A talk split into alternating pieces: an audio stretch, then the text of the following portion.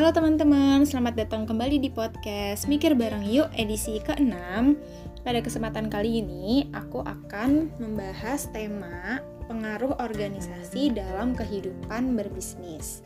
Nah, aku nggak akan ngebahas ini sendirian karena aku udah ngundang Kak Tengku Masyito Syahida Azahra yang lebih akrab kita panggil Kak Tema. Pasti Mas Isir udah nggak asing lah ya dengan Kak Tema Katema ini organisatoris dan juga seorang pebisnis. Buat yang belum tahu, dulu Katema pernah menjadi ketua Wihdah di tahun 2018 sampai 2019 dan sekarang sedang menjadi marketing manager di Resto El Maeda. Nah, langsung aja kita masuk ke obrolan bareng Katema. Oke guys, sekarang kita sudah bersama narasumber kita yaitu Kak Tengku Masyitoh atau yang lebih akrab kita panggil Kak Tema lah ya. Gimana kabarnya Kak Tema? Alhamdulillah baik. Ini sini jam baru pada Isya sih. Baru banget pada Isya, jam 8 lewat 22. Alhamdulillah. gimana kabarnya? Alhamdulillah baik juga Kak. Kita beda waktu 5 jam ya sekarang soalnya Kak Tema udah di Indonesia. iya nih. Alhamdulillah ya masih silaturahim. Iya, alhamdulillah. Nah, sekarang kita mau tanya dulu nih Kak, gimana sih kabar Kak Tema sekarang di Indonesia nih? Kan udah beda nih sama aku posisinya sekarang, udah bukan mahasiswi Azhar lagi. ya, alhamdulillah uh, kalau kabar alhamdulillah semuanya baik ya. Kalau tanya kegiatan sekarang sih pulang dari Indonesia sebenarnya sebelum pulang dari Indonesia ya setahun terakhir aku di Mesir itu udah mulai ngabdi udah mulai ngajar online gitu ke Oh. adik-adik hmm, ke adik-adik SD yang ada di rumah gitu Oh Salah gitu. satu SDIT lah Hmm. terus pas aku pulang ke Riau dilanjut lagi ngabdinya ditambah sekarang lagi apa ya ikut bantu bantu orang tua di resto megang di advertisingnya gitu sama media Oh gitu Kak. Jadi emang Kakak ini dari pas di Mesir sebelum lulus tahun terakhir udah ngajar Kak? Anak SD? ya udah dari setahun sebelum Oh, di sekolah punya Kakak sendiri ya? uh, punya orang tua Oh, punya gitu. orang tua Oke. itu udah setiap hari sih setiap hari udah mulai ngajar paling sehari 4 jam ngajar online gitu jadi di sela-sela kuliah setelah kuliah kita kemarin sempat ya setengah apa waktu satu semester nggak ada kuliah satu semester kuliah sih nah itu Iya. udah mulai ngajar Oke, berarti Kakak nih udah eh, ini ya jadwalnya udah mulai padat lagi lah ya di Indonesia. Mungkin malah lebih padat daripada Kakak waktu di Mesir nih. Tapi alhamdulillah Ya, Kak Tema masih bisa. Iya, masih bisa gabung sama kita alhamdulillah. alhamdulillah Oke Kak, jadi ini Kak Tema nih teman-teman waktu di Mesir nih banyak megang organisasi dan pernah juga mengetuai sebuah organisasi besar yaitu Wihdah PPMI Mesir. Dan tapi sekarang Kak Tema ini lagi seperti tadi kita dengar ceritanya lagi merintis usaha eh, salah satunya usaha restoran. Nah aku tuh sebenarnya kepo gitu Kak, ada nggak sih Kak pengaruh dari yang Kakak dapetin di organisasi yang itu tuh ternyata menunjang banget untuk kakak merintis usaha itu. Bismillah ya. Kalau pengaruh dari pengalaman organisasi kita, kemudian kita bawa ke apa namanya membangun bisnis itu sebenarnya banyak banget, banyak banget. Dan aku sebenarnya baru memulai tahap-tahap itu gitu. Kalau dibilang yang pertama banget, yang pertama paling berpengaruh itu mental. Itu berpengaruh Oh. banget sih. Dengan kita di organisasi, kita sudah terbiasa untuk apa ya menghadapi berbagai berbagai rintangan kita sudah terbiasa sudah terbiasa menghadapi berbagai hambatan menuju goal kita gitu ya. Jadi kita punya goal idealnya pengennya kayak gini. Tapi dengan keadaan or- organisasi apalagi ma- mahasiswa itu kan banyak hambatannya ya dari berbagai macam dari segi dananya atau mungkin skill SDM-nya dan sebagainya gitu. Jadi kita sudah terbiasa membangun mental bahwa bagaimana keadaannya goal kita ini harus tercapai nih gitu. Dan itu sangat eh, membantu sekali ketika kita membangun bisnis baru memulai bisnis kan bisnis aku ini ya, bisnis keluarga aku ini mulai dari nol benar-benar mulai dari nol banget Hmm. dari awalnya tuh eh, umi aku awalnya tuh buka apa ya buka resto itu kecil-kecilan di ruko Iya. nah itu awalnya jualan soto gitu jualan soto terus dengan berbagai macam menu yang ada boleh lihat lah nanti di IG-nya ya itu banyak menu-menu Oke, yang pasti. pernah disuguhkan uh, yang pernah disuguhkan di sana. Tapi itu juga sem- sembari kita belajar mana nih menu yang paling pas untuk dijadikan main menunya gitu. Nah jadi eh, itu tadi mental yang mental yang kuat itu terbangunnya sebenarnya ketika kita dari organisasi karena sudah terbiasa untuk eh, mencoba berbagai ide gitu. Nggak pantang menyerah itu benar-benar benar-benar membantu banget ketika kita membangun bisnis ketika misalkan ada satu hambatan oh kita harus nyoba lagi nih caranya kayak gimana caranya kayak gimana gitu itu yang Oke. pertama Iya, ya benar banget, Kak. Kal eh, kalau bisnis Ya gimana, Kak? gimana gimana gimana Aku pengen ini sih, pengen nanya juga. Sebenarnya bisnis Resto El Maeda ini kan tadi Kakak bilang mulainya dari nol gitu. Tapi aku juga sempat lihat di Instagramnya. Nanti teman-teman pasti nanti di sini juga boleh banget untuk ngecek Instagramnya. Itu udah eh, lumayan bagus banget Kak eh, marketingnya dan juga tadi kan Kakak bilang Kakak megang bagian marketing. Nah, boleh nggak sih Kak dijelasin dikit dulu? Sebenarnya Resto El Maeda itu eh, makanannya menunya itu di apa aja gitu. Oke, Eh, ini aku jelasin dari awal banget lah ya. Jadi Oke. memang awalnya konsep kita itu tadinya mau resto sama cafe. Itu konsep awal kita resto dan cafe. Eh, Oke. Kebetulan karena adikku yang Tengku Hanif Maulana ada dia dia sekarang sekolah di Malang. Nah itu dia sekolah barista kemarin. Hmm, sekolah barista. Jadi ketika eh, kita buka resto ini konsepnya tuh resto dan cafe. Umi aku bagian masak yang untuk restonya, terus adik aku yang Hanif ini bagian ngelola kafenya. Itu apa namanya konsep awal kita. Nah Oke. kemudian eh, step awalnya kita emang ya kayak makanan res eh, kayak makanan resto gitu. Ada soto ada ayam bakar gitu ya. Lalu ada sop buntut dan sebagainya. Menunya ada berbagai menu lah. Kita Iya. lihat di instagramnya Espresso El Maida kita lihat di sana berbagai macam menu yang kita coba di sana.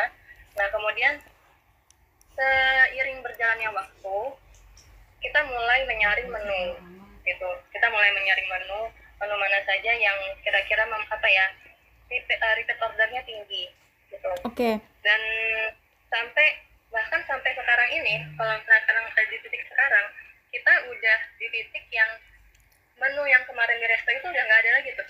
Kita sekarang berpindah haluan ke kafenya dulu kita mau ngebesar mau ngebes- mau ngebesarin kafenya dulu kita mau eh, buka makanan-makanan kafe kayak kue sus dan nanti ada, akan ada teman-teman lainnya gitu karena setelah kita lihat kemarin kita sempat ngedrop pas pandemi awalnya kan kita buka sebelum pandemi ya Oke. beberapa bulan sebelum pandemi. Kemudian tiba-tiba pandemi, rata-rata itu uh, usaha-usaha mau dari usaha ber- dari usaha mikro sampai makro itu sangat berdampak. Nah, Iya. apalagi usaha mikro ya usaha-usaha kecil itu banyak yang tutup dan sebagainya gitu. Alhamdulillah sih kita nggak sampai yang uh, tutup total. Sebenarnya sam- sampai ya ketika ketika ada ketika ada masa yang tutup total ya kita tutup total.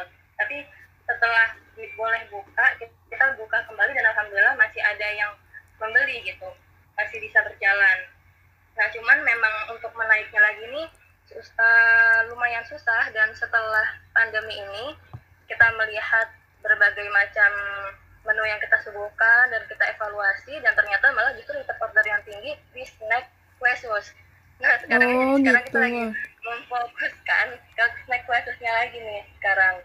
Dan untuk makanan-makanan itu kita tetap bisa pesan kita tapi secara order catering biasanya. Jadi orang-orang kalau catering buat buka puasa biasanya ada masjid-masjid daerah sini eh, suka order gitu buat buka puasa.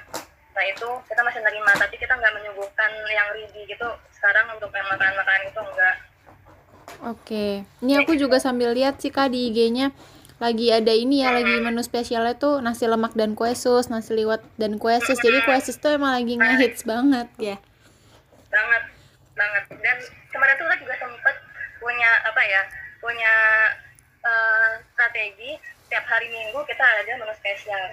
Jadi setiap hari minggu tuh menunya bakal berganti dan itu diupdate nya sekitar sehari atau dua hari sebelum hari minggu gitu. Kalau hari Jumat hari Sabtu diupdate nya itu untuk Oh, memberikan apa ya kejutan aja gitu untuk orang-orang biar nggak bosan menunya itu itu aja.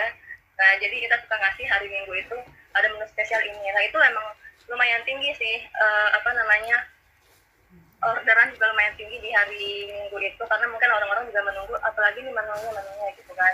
Nah cuman iya, kita tadi setelah sekitar seminggu dua minggu inilah kita evaluasi emang yang repeat ordernya tinggi itu di kue sus jadi sekarang kita lagi oke deh kita fokusin dulu coba di satu uh, menu ini di kue sus gitu ya dengan berbagai mungkin nanti akan dengan berbagai variasi yang ada nah jadi kita pengen ngembangin berarti kalau itu berarti kan lebih masuk ke kafenya ya gitu mungkin yeah. kita iya. akan lebih fokus kembangin pertama ini di kafenya dulu oke nah tadi kan kakak nyebut nih beberapa kali uh, ada evaluasi yang kakak lakukan sama orang tua dan juga sama pegawai-pegawai yang lain pastinya Nah, ya. aku pengen tahu nih sih kak, sebenarnya evaluasi yang kakak lakukan di dalam bisnis ini, dalam merintis ini, itu pasti uh, sedikit banyak dipengaruhi nggak sih kak sama apa yang kakak dulu pelajari di organisasi? Kan kita banyak ngelakuin rapat evaluasi gitu-gitu kan kak? Iya benar. Uh, itu sama lagi lagi lagi tapi lagi-lagi pengalaman kita ya. Pengalaman kita di organisasi itu benar-benar membantu banget. Salah satunya pengalaman kita terbiasa untuk mengevaluasi apa yang telah kita kerjakan nah kalau evaluasi ini sebenarnya udah kita mulai pertama dari resto buka itu kan aku masih di Mesir sebenarnya. Iya. Yeah. resto buka tuh masih di Mesir dan emang kalau ditanya pegawainya siapa pegawainya sih anak-anak punya aku gitu. Semuanya mm. tuh bergerak tapi kita emang belum membuka uh, belum membuka pegawai untuk keluar. Itu tadi karena apa namanya karena masih belum dibutuhkan gitu lah belum sebagainya. Dan untuk evaluasi pun kita suka apa kita ada rapat ya ada rapat bulanan untuk evaluasi.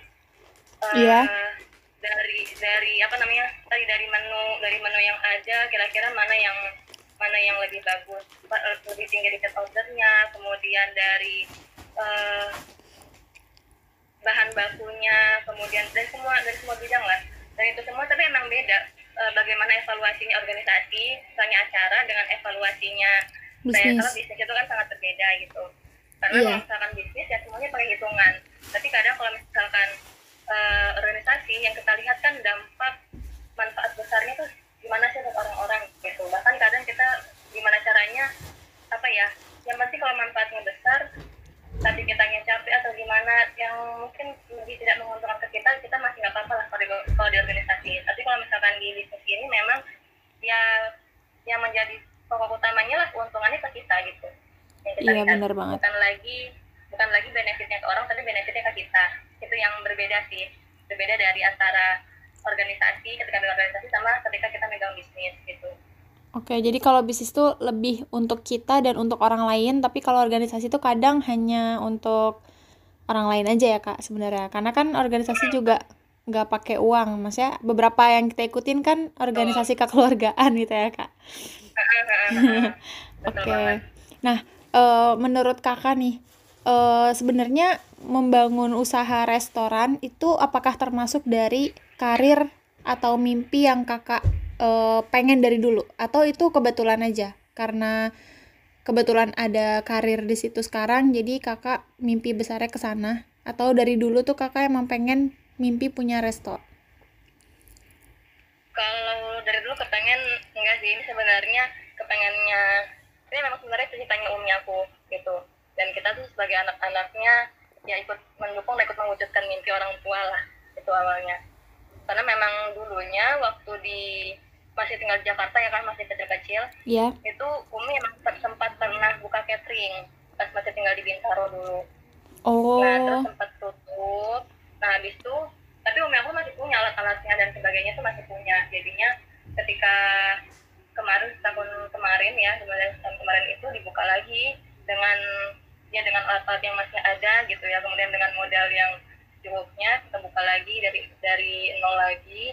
Dan emang penggeraknya banget itu ya Umi gitu dan ini memang impian Umi yang kita jadikan yang kita wujudkan bersama-sama gitu dan kita jadikan mimpi kita juga jadinya Oke, berarti wirausaha sekarang juga jadi proyeksi masa depan kakak juga ya?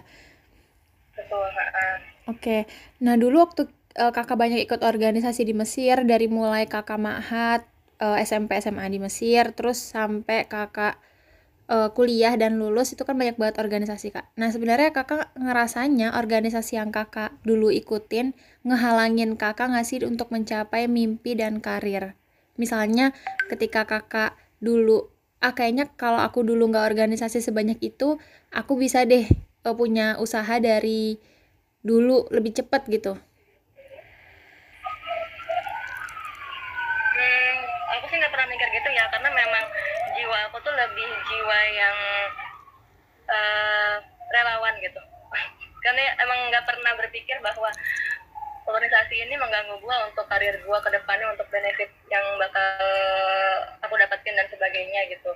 Nggak pernah berpikir kayak gitu. Justru dengan organisasi aku ngerasa jiwa aku ada di sana gitu. Dengan banyak memberi dengan banyak uh, bisa berbagi manfaat untuk orang lain justru aku merasa lebih hidup gitu. Jadi kalau menurut aku ya organisasi kemudian memberi manfaat dalam komunitas ataupun apa pun gitu ya. Itu menurut aku adalah uh, jalan hidup yang akan selalu aku tempuh. Termasuk ketika misalkan aku ikut terjun ke resto ini salah satu niat aku adalah bagaimana dengan uh, aku ikut terjun ke resto kemudian resto menjadi salah satu sumber penghasilan baik itu untuk keluarga aku ataupun nanti kalau bisa kalau sudah besar bahkan bisa kalau bisa dia bisa memberikan dampak besar baik itu ke sekolah ataupun ke yayasan ke yayasan yang yang saat ini sedang uh, kami emban gitu. Jadi sebenarnya ujung-ujungnya manfaat resto ini bukan hanya ke diri kita sendiri bukan hanya ke keluarga tapi kalau bisa lebih uh, besar lagi manfaatnya gitu. Itu sebenarnya yang kami harapkan dari resto ini gitu. Wah iya benar banget. ya untuk berbagi bermanfaat Iya iya benar banget sih kak. Tapi kayaknya uh, berbeda juga ya kak pandangan orang yang udah uh, sebelumnya mengikuti organisasi lalu usaha uh, dibandingkan orang yang uh, usaha dari kecil gitu. Kan banyak nih Kak orang-orang uh, seumuran aku nih misalnya 21 tahun udah banyak punya usaha gitu. Tapi uh, ada juga orang yang uh, seperti Kakak gitu, organisasi dulu baru usaha. Nah, kayaknya aku juga jadi melihat ketika Kakak menjalankan usaha kan Kakak udah pernah organisasi sebelumnya, jadi tetap ada jiwa sosial di sana gitu. Tetap untuk iya, dampaknya ke orang banyak bukan hanya untuk uang aja gitu kan ya? Iya benar benar. Itu ya uang itu sebenarnya ya harta itu salah satu usaha kita ya salah satu jalan lah untuk agar kita bisa lebih bermanfaat untuk banyak orang gitu kan. Iya Tapi benar benar. sebenarnya ya kalau saya mau ditanya ideal idealan ketika dulu aku merasa apa ya masih memegang wida gitu ada masa di mana aku uh, merasa tidak cukup berdaya. Ketika oh. uh, maaf nih kondisi ekonomi kita ternyata atasan juga. Itu ada rasa ada masa di saat itu gitu. Tapi ya lagi-lagi hidup ini ya namanya juga menyelesaikan segala ujian gitu ya. Dengan keterbatasan yang ada di ketika dulu memimpin Wihda dengan keterbatasan baik di diri aku baik keterbatasan dari Wihda itu sendiri bagaimana kita bisa menyelesaikan permasalahan yang ada kan gitu ya. Tapi iya, ada rasa-rasa di mana seandainya gue ini dan sebagainya itu pasti ada lah gitu. Tapi ya gimana? Daripada daripada berandai-andai lebih baik kita berbuat gitu kan. Iya benar banget. kalau ideal-idealnya ya baiknya kita sudah siap finansial kemudian uh, bisa berbagi manfaat lebih banyak itu sih yang apa namanya idealnya Iya sih benar-benar. Tapi kan ideal masing-masing orang juga beda-beda ya kak. iya iya. Betul, betul banget kalau banyak nih kak banyak orang yang bilang organisasi itu gak bermanfaat gitu karena e, organisasi itu lebih banyak menghabiskan waktu di hal-hal yang sebenarnya nggak e, langsung kelihatan gitu dampaknya kita capek-capek untuk orang lain gitu. Banyak banget kan kak perspektif orang di luar sana yang seperti itu. Nah aku pengen tahu dari kakak sebagai organisatoris yang sekarang jadi wirausaha wati gitu gimana sih kak? Menurut kakak perspektif itu salah atau bener tergantung orangnya di organisasi seperti apa dulu. Oke. okay. dia bisa jadi organisasi ini bisa menenggelamkan kita tapi juga bisa membawa kita ke suatu pencapaian yang lebih tinggi. Tapi itu semua tergantung dari diri kita lagi gitu. Maksudnya gini uh, aku pernah cerita ya ke anak-anak muda ataupun mungkin aku juga pernah ngomong ke kamu sebelumnya dan dan teman-teman yang lain bahwa Mm -mm. ketika kita masuk organisasi kita harus tahu kita mau ngapain di sana. Iya, itu betul. pertama harus tahu mau ngapain. Yang kedua kita harus punya target nih. Di organisasi ini apa yang akan kita dapatkan sampai mana kita mencapainya gitu. Jadi selain apa yang kita dapatkan kita capai kita mencapai titik apa nih di sini jadi menurut Hmm, aku tidak benar. masalah ketika berorganisasi kita berambisi justru itu adalah suatu semangat yang kalau diolah eh, dengan baik akan menghasilkan suatu karya yang baik gitu ambisi itu Oke. eh, organisasi itu akan berdampak baik bagi kita atau segala hal segala hal yang kita lakukan baik itu kita kuliah ataupun masuk organisasi ataupun um, ternyata laki ataupun yang lainnya lah ya apa pun itu ketika kita punya kita ketika kita tahu mengapa kita melakukan itu ketika kita tahu apa yang akan kita dapatkan dan sampai mana kita harus mencapai satu titik yang kita anggap ideal ya atau yang kita cita-citakan nah itu Iya. akan berdampak besar bagi kita insya Allah gitu Oke. Aku setuju Tapi banget ya sih, Kak. misalkan kita hanya ngikut ya kalau kita hanya ngikutin misalkan ngikutin orang-orang pada ikut organisasi aku juga ikutan ah gitu atau orang-orang pada sibuk nih gue bingung sibuknya ngapain ya udah gue organisasi aja gitu tapi kita nggak tahu nih eh, apa yang kita dapetin waktu kita habis gitu aja ya itu ya ya benar sih kalau misalkan orang menganggap hal itu menjadi Sia-sia. tidak menghasilkan apa-apa ya karena dia sendiri pasti tidak tahu alasan dia di sana untuk apa gitu Iya, bener bener bener. Iya, aku setuju sih Kak yang tadi ambisi. M- eh, akhir-akhir Ya, ini jadi juga, akhir-akhir ini juga tuh banyak orang yang bilang kayak untuk ngapain sih lu ngelakuin hal itu kebaikan, hal itunya tuh dalam konteks kebaikan cepet-cepet banget gitu atau kayak agresif banget gitu. Aku jadi jadi bingung juga gitu. Kenapa kebaikan dibilang agresif? Nyambung ke perkataan kakak tadi, sebenarnya di organisasi itu nggak apa-apa kan kita punya ambisi asalkan kita tahu kita mau ngapain dengan ambisi itu ya sangat nggak apa-apa iya aha, buktinya kalau boleh jujur ya aku Ya. pernah menulis aku ingin masuk Wihda itu dari dari aku mahat jadi ketika aku mahat dulu kan punya buku impian ya kan Iya. buku impian biasa yang gitu-gitu Mm-mm. aku pernah nulis di satu impian aku aku ingin eh, berkontribusi di Wihda tapi nggak pernah nulis jadi apanya. Gitu. ya intinya ingin berkontribusi lah ya. Eh, aku ingin eh, punya usaha yang mandiri gitu ya. Ya, apa yang membuat saya mandiri dan sebagainya. Dan itu alhamdulillah sih terijabah semua dengan cara yang sudah Allah tetapkan gitu. Ya iya Dan itu kan alhamdulillah. impian itu salah satu bentuk eh, ambisi kita. Iya benar benar benar benar benar. Iya ya. Jadi nggak apa-apa. Kita punya banyak ambisi bahkan setinggi tingginya karena kalau kita nggak punya ambisi kita jadi kurang semangat juga sih kak ngerjainnya ya nggak sih? Kalau kita dikit doang gitu. Ya misalnya ikut organisasi ambisinya tuh nggak tinggi itu jadinya kurang semangat dibandingkan orang yang dari awal tuh ambisinya udah tinggi gitu.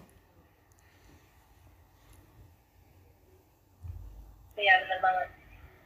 Iya benar-benar. Cuma itu tadi eh, ambisi ini juga harus juga eh, ada sisi apa ya bahasanya tuh tawakal dengan takdirnya itu juga harus ada gitu jadi Mhm, artinya mhm. ketika misalkan kita mungkin nggak mendapatkan apa yang seperti kita inginkan seidealnya kita gitu iya Ya, tapi kita masih bisa meyakini kita masih mensyukuri bahwa oh ini takdir yang terbaik dari Allah yang kayak gini gitu. iya ada jalan lain gitu ya kak iya bener banget bener banget Hmm, ya mungkin banget. mungkin kalau Kak Tema dulu nggak eh, bukan nggak ya kurang berambisi dalam menjalankan organisasi mungkin Kak Tema juga nggak bakal sampai di titik yang sekarang punya usaha gini kan. Karena kalau kita udah punya ambisi kita jadi lebih niat ngerjainnya ya kan Kak? Kadang kayak gitu.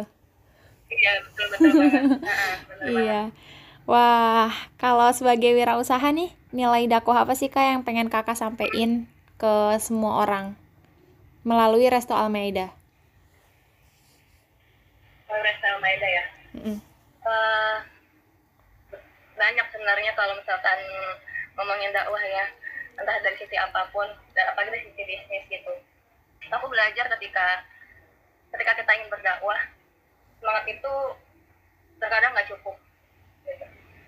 oke. Eh, ataupun kemampuan diri itu terkadang nggak cukup gitu. Karena lagi-lagi ya kita ini manusia yang lemah iya. Allah ciptakan kita itu ya tadi dari ta- dari tanah kemudian dengan berbagai kelemahannya gitu yang meningkat yang meningkat kita itu kan ilmu kita. Iya betul. Ketika, kita belajar gitu. Habis itu di satu sisi lain lagi uh, aku belajar bahwa ketika kita menjadi Islam apa uh, seorang muslim yang kuat gitu baik itu dari sisi jasmani kita atau dari sisi finansial kita gitu kita bisa lagi banyak membantu orang. Iya uh, betul bilang ya sekolah yang sekarang ini aku pegang semuanya sebenarnya bermula dari sekolah gitu. Semua apa sekolah, sekolah yang saat ini sedang aku pegang itu masih banyak yang harus dibenahi. Yayasan ini kan masih banyak yang harus dibenahi gitu. Dan kalau misalkan mau diam menunggu menunggu apa namanya menunggu yayasan ini berkembang dengan sendirinya itu akan susah. Jadi kita memang harus punya uh, apa ya backingan gitu. Backingan memang ini ya uh, badan untuk fundraising gitu untuk menghasilkan uh, apa namanya menghasilkan uang Materi. untuk membantu amal-amal kita yang lainnya gitu jadi salah satu nilai dakwah yang harus kita ditekankan gitu mungkin ya ke orang-orang yang memulai bisnis bahwa kita itu berbisnis pertama lillahi ta'ala gitu yeah. kemudian yang kedua bekerja kita itu ya agar kita bisa agar Allah mampukan kita untuk banyak membantu orang lain. Nah itu benar-benar. Ketika kita merasa, uh, ketika kita merasa ya pernah ketika ada satu titik kita tuh merasa benar-benar di bawah. Iya. Yeah. Nggak punya apa-apa, merasa benar-benar lemah gitu, nggak ada yang, mm, ya rasanya kita benar-benar nggak berdaya justru kan kita merasa kita menjadi beban orang lain Nah, betul. Dengan bekerja, dengan kita berusaha, dengan kita berbisnis ya, itu salah satu cara kita meminta Allah agar Allah muliakan kita dengan caranya yang baik gitu. Agar tak lagi agar agar kita nggak lagi bergantung sama orang lain gitu. Benar, agar benar. kita bisa memberi uh, justru kita kalau bisa yang membantu orang lain itu gitu. Iya benar banget sih kak. Jadi untuk lebih bermanfaat ya kak bagi orang lain. Karena kalau nah, kita punya uang, Iya. Dari nilai da ya untuk lebih bermanfaat ke orang lain. Iya benar-benar benar. Jadi kalau kalau kita punya uang yang kita hasilkan tanpa mem membebani orang lain, maka kita akan bisa membantu orang lain dan di situlah nilai dakwahnya gitu ya kak. Untuk membantu orang lain khususnya umat Islam itu sendiri untuk bangkit gitu ya kak. Hmm. Oke. Okay. Ya dan, dan emang yang kita kejar kemuliaan juga gitu kemuliaan di sisi Allah ya lagi-lagi kita berbisnis itu bukan untuk kita mulia di dunia kita uh, bisa pamer di dunia tapi ya karena biar Allah muliakan kita gitu nanti di akhirat karena aku ingat banget sih ada satu hadis yeah. uh, kalau nggak salah ya hadis tabrani gitu yang artinya aja langsung ya Iya, yeah, uh, boleh. Siapa yang mencari nafkah halal untuk menjaga diri dari meminta-minta, memenuhi keluarga serta berbagi dengan keluarga, maka ia datang di hari kiamat dengan wajah seperti bulan purnama. Itu salah satu yang hadis aku ingat banget itu bahwa bahwa nanti akan Allah muliakan kita gitu ketika kita bisa membantu orang lain gitu bahwa kalau misalnya kita mencari nafkah gitu kemudian kita bisa dari nafkah yang Allah beri itu kita bisa membantu keluarga kita membantu, menyelesaikan kemakan hidup kita gitu ya. Bahkan sampai membantu orang banyak yang mungkin kita nggak pernah kenal gitu sebelumnya. Itu uh, insya Allah nanti suatu saat apa di akhirat nanti Allah itu yang akan memuliakan kita gitu. Iya bener banget kak, bener banget bener banget. Jadi makin sadar juga sih sebenarnya uh, dari sekarang itu kan jalan untuk bermanfaat banyak banget ya kak. Dan di masa depan nanti juga bener. gitu. Mungkin saat ini masih banyak sih kak perempuan-perempuan uh, kita semua perempuan atau di luar sana juga ada perempuan yang uh, mungkin belum paham gitu terkait peran seharusnya semaksimalnya bagi seorang perempuan itu seperti apa. Boleh dong dari Kak Tema, menurut kakak tuh gimana sih perempuan yang ideal itu gitu dalam konteks kehidupan ini? Dalam konteks apa? Dalam konteks uh, menjalani kehidupan uh, dan Islam itu perempuan idealnya seperti apa? Perempuan idealnya seperti apa? Ya. Uh, aku pribadi ya sampai detik ini masih mempelajari bagaimana menjadi muslimah ideal. Iya. belajarnya dari apa? Aku belajar dari kisah-kisah. Aku buka lagi semenjak aku pulang ke Indonesia aku buka lagi kisah-kisahnya Khadijah aku buka lagi kisahnya Aisyah kisahnya eh, istri-istri Nabi. Iya. kemudian kisah kisah-kisah eh, perempuan-perempuan yang Allah muliakan Maryam. Kemudian eh, Siti Hajar dan sebagainya pokoknya seluruh eh, perempuan-perempuan yang Allah muliakan itu aku buka lagi. Eh, apa namanya kisah-kisahnya. Karena aku sendiri sampai saat ini masih mempelajari bagaimana seharusnya sih menjadi seorang muslimah yang ideal itu gitu. Kalau ingin ditanya kalau tanya ke aku bagaimana menjadi menjadi muslimah ideal aku cuma pengen bilang belajarlah dari para da- dari para sahabiat sahabiat dan sirah-sirah perempuan yang Allah muliakan. Itu aja sih Iya karena aku benar-benar. sendiri juga sampai sekarang masih mencari rumusnya Iya ya. Tapi bener sih kak, harusnya emang yang kita lihat sebagai seorang muslimah itu kan mereka-mereka ini ya, sahabiat-sahabiat. Mas, eh, eh, bu, nggak harus, nggak hanya orang-orang perempuan hebat zaman sekarang eh, yang ada di negara kita gitu, nggak hanya itu gitu, tapi juga balik ke sejarah gitu ya kak. Oke, kalau pesan untuk para perempuan yang sedang mencari peran nih kak, kan sekarang nih banyak eh, perempuan yang sedang mencari perannya, apalagi di umur-umur 20-an gini kan kita kadang suka bingung ya nanti kita di masa depan mau ngapain sih gitu. Ada nggak kak pesan untuk kita para perempuan agar bisa menemukan perannya? pesan aku sih ya untuk eh, para perempuan yang masih berusaha untuk menemukan perannya nanti di masa depan perbanyak lagi. Pertama itu mencari ilmu. Kemudian belajar belajar eh, dari para dari kisah-kisah sejarah-sejarah para sahabiat gitu ya. Iya, dan sebenarnya kita akan berperan di mana pun nanti itu banyak banget bidangnya. Benar-benar banyak banget bidangnya. Betul tapi- betul betul. akan eh, tapi akan seperti apa tapi eh, mana yang cocok untuk kita itu nanti akan kita temukan ketika kita memang sudah mencoba sih gitu. kita sudah mencoba. Jadi jangan, jangan sampai jangan sampai berhenti untuk mencoba. Jangan sampai berhenti untuk eh, terus memberikan manfaat dari segi apa pun. Karena nanti akan ketemu sendiri oh ternyata aku pasnya eh, jiwaku tuh pasnya di sini gitu. Dan aku benar-benar bisa eh, apa ya eh, memberikan banyak manfaat explore eh, kemampuan diri dan sebagainya itu di bidang ini gitu jadi jadi pesan buat aku jangan pernah berhenti untuk seluruh perempuan yang sedang mencari perannya.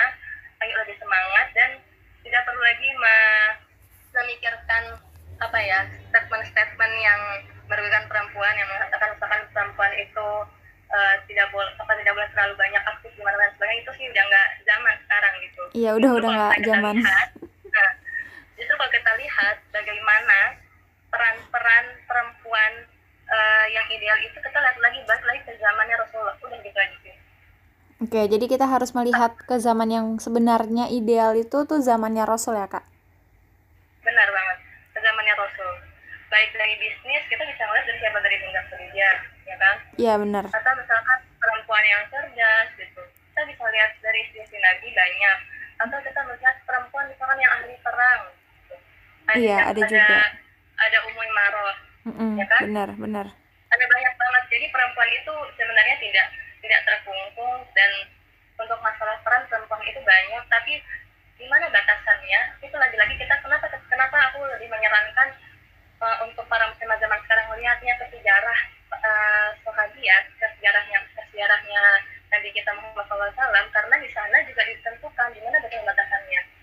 Betul betul betul jadi betul. insya Allah kita sudah mendapatkan paket lengkap ketika kita mempelajari lagi uh, sirah Rasulullah kita Oke, ih benar banget kak, benar banget. Ayo kita kembali ke eh, Islam yang telah mengajarkan kita bagaimana menjadi seorang muslimah yang sangat ideal ya.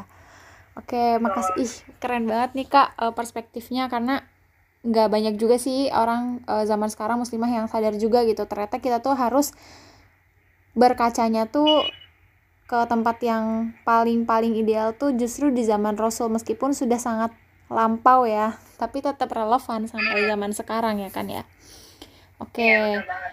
nyambung lagi nih kak ke Resto El Maeda uh, tadi aku udah lihat juga di Instagramnya setiap hari Ahad kan ada menu baru. Nah, uh, kira-kira ada nggak kak yang pengen kakak sampein untuk para pendengar podcast di sini tentang Resto El Maeda?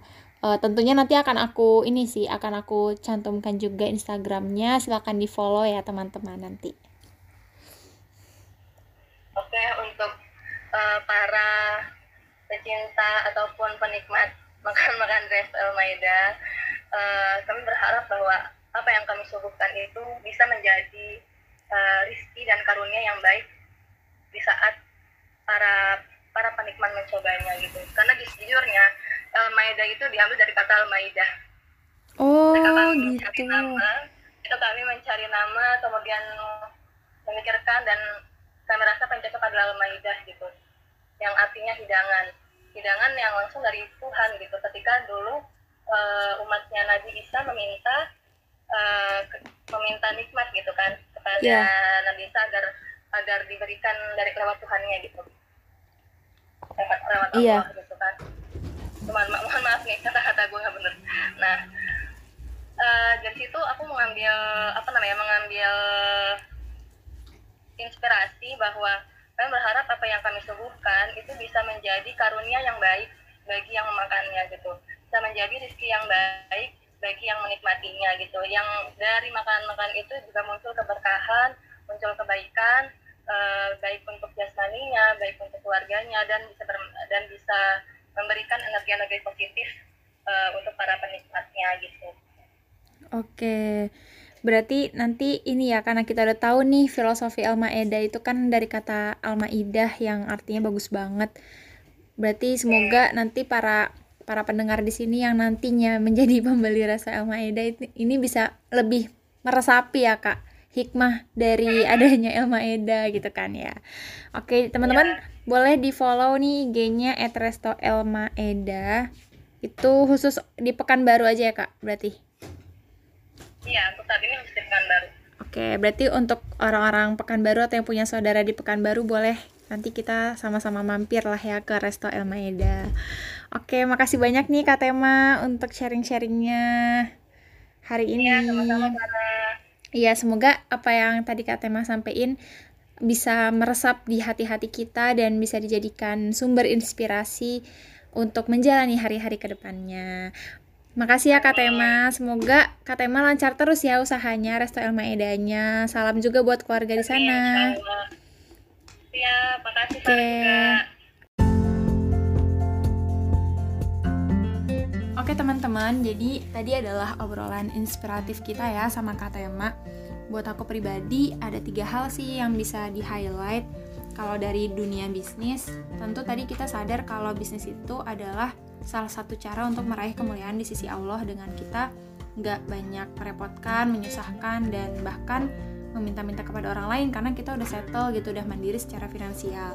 Terus kalau dari segi organisasi e, ternyata ngaruh banget kan apa yang udah kita temui di organisasi dari segi dinamika dan lain sebagainya untuk kita aplikasikan di dunia bisnis gitu. Kalau dari segi perempuan kita juga udah dapet banyak hal ya dari Katema tadi yang paling aku highlight sih tentang bagaimana sih perempuan itu sebenarnya nggak dibatasin gitu geraknya udah nggak zaman gitu ada statement yang bilang perempuan itu nggak bisa aktif di mana-mana tapi tetap aja kita harus tahu batasan-batasannya. Nah, itu dari mana sih kita tahunya? Yang paling ideal adalah kita melihat di cerita-cerita sahabiat zaman dulu, kayak gitu. Makasih ya teman-teman udah dengerin podcast sampai akhir. Dan sampai jumpa lagi di podcast aku selanjutnya.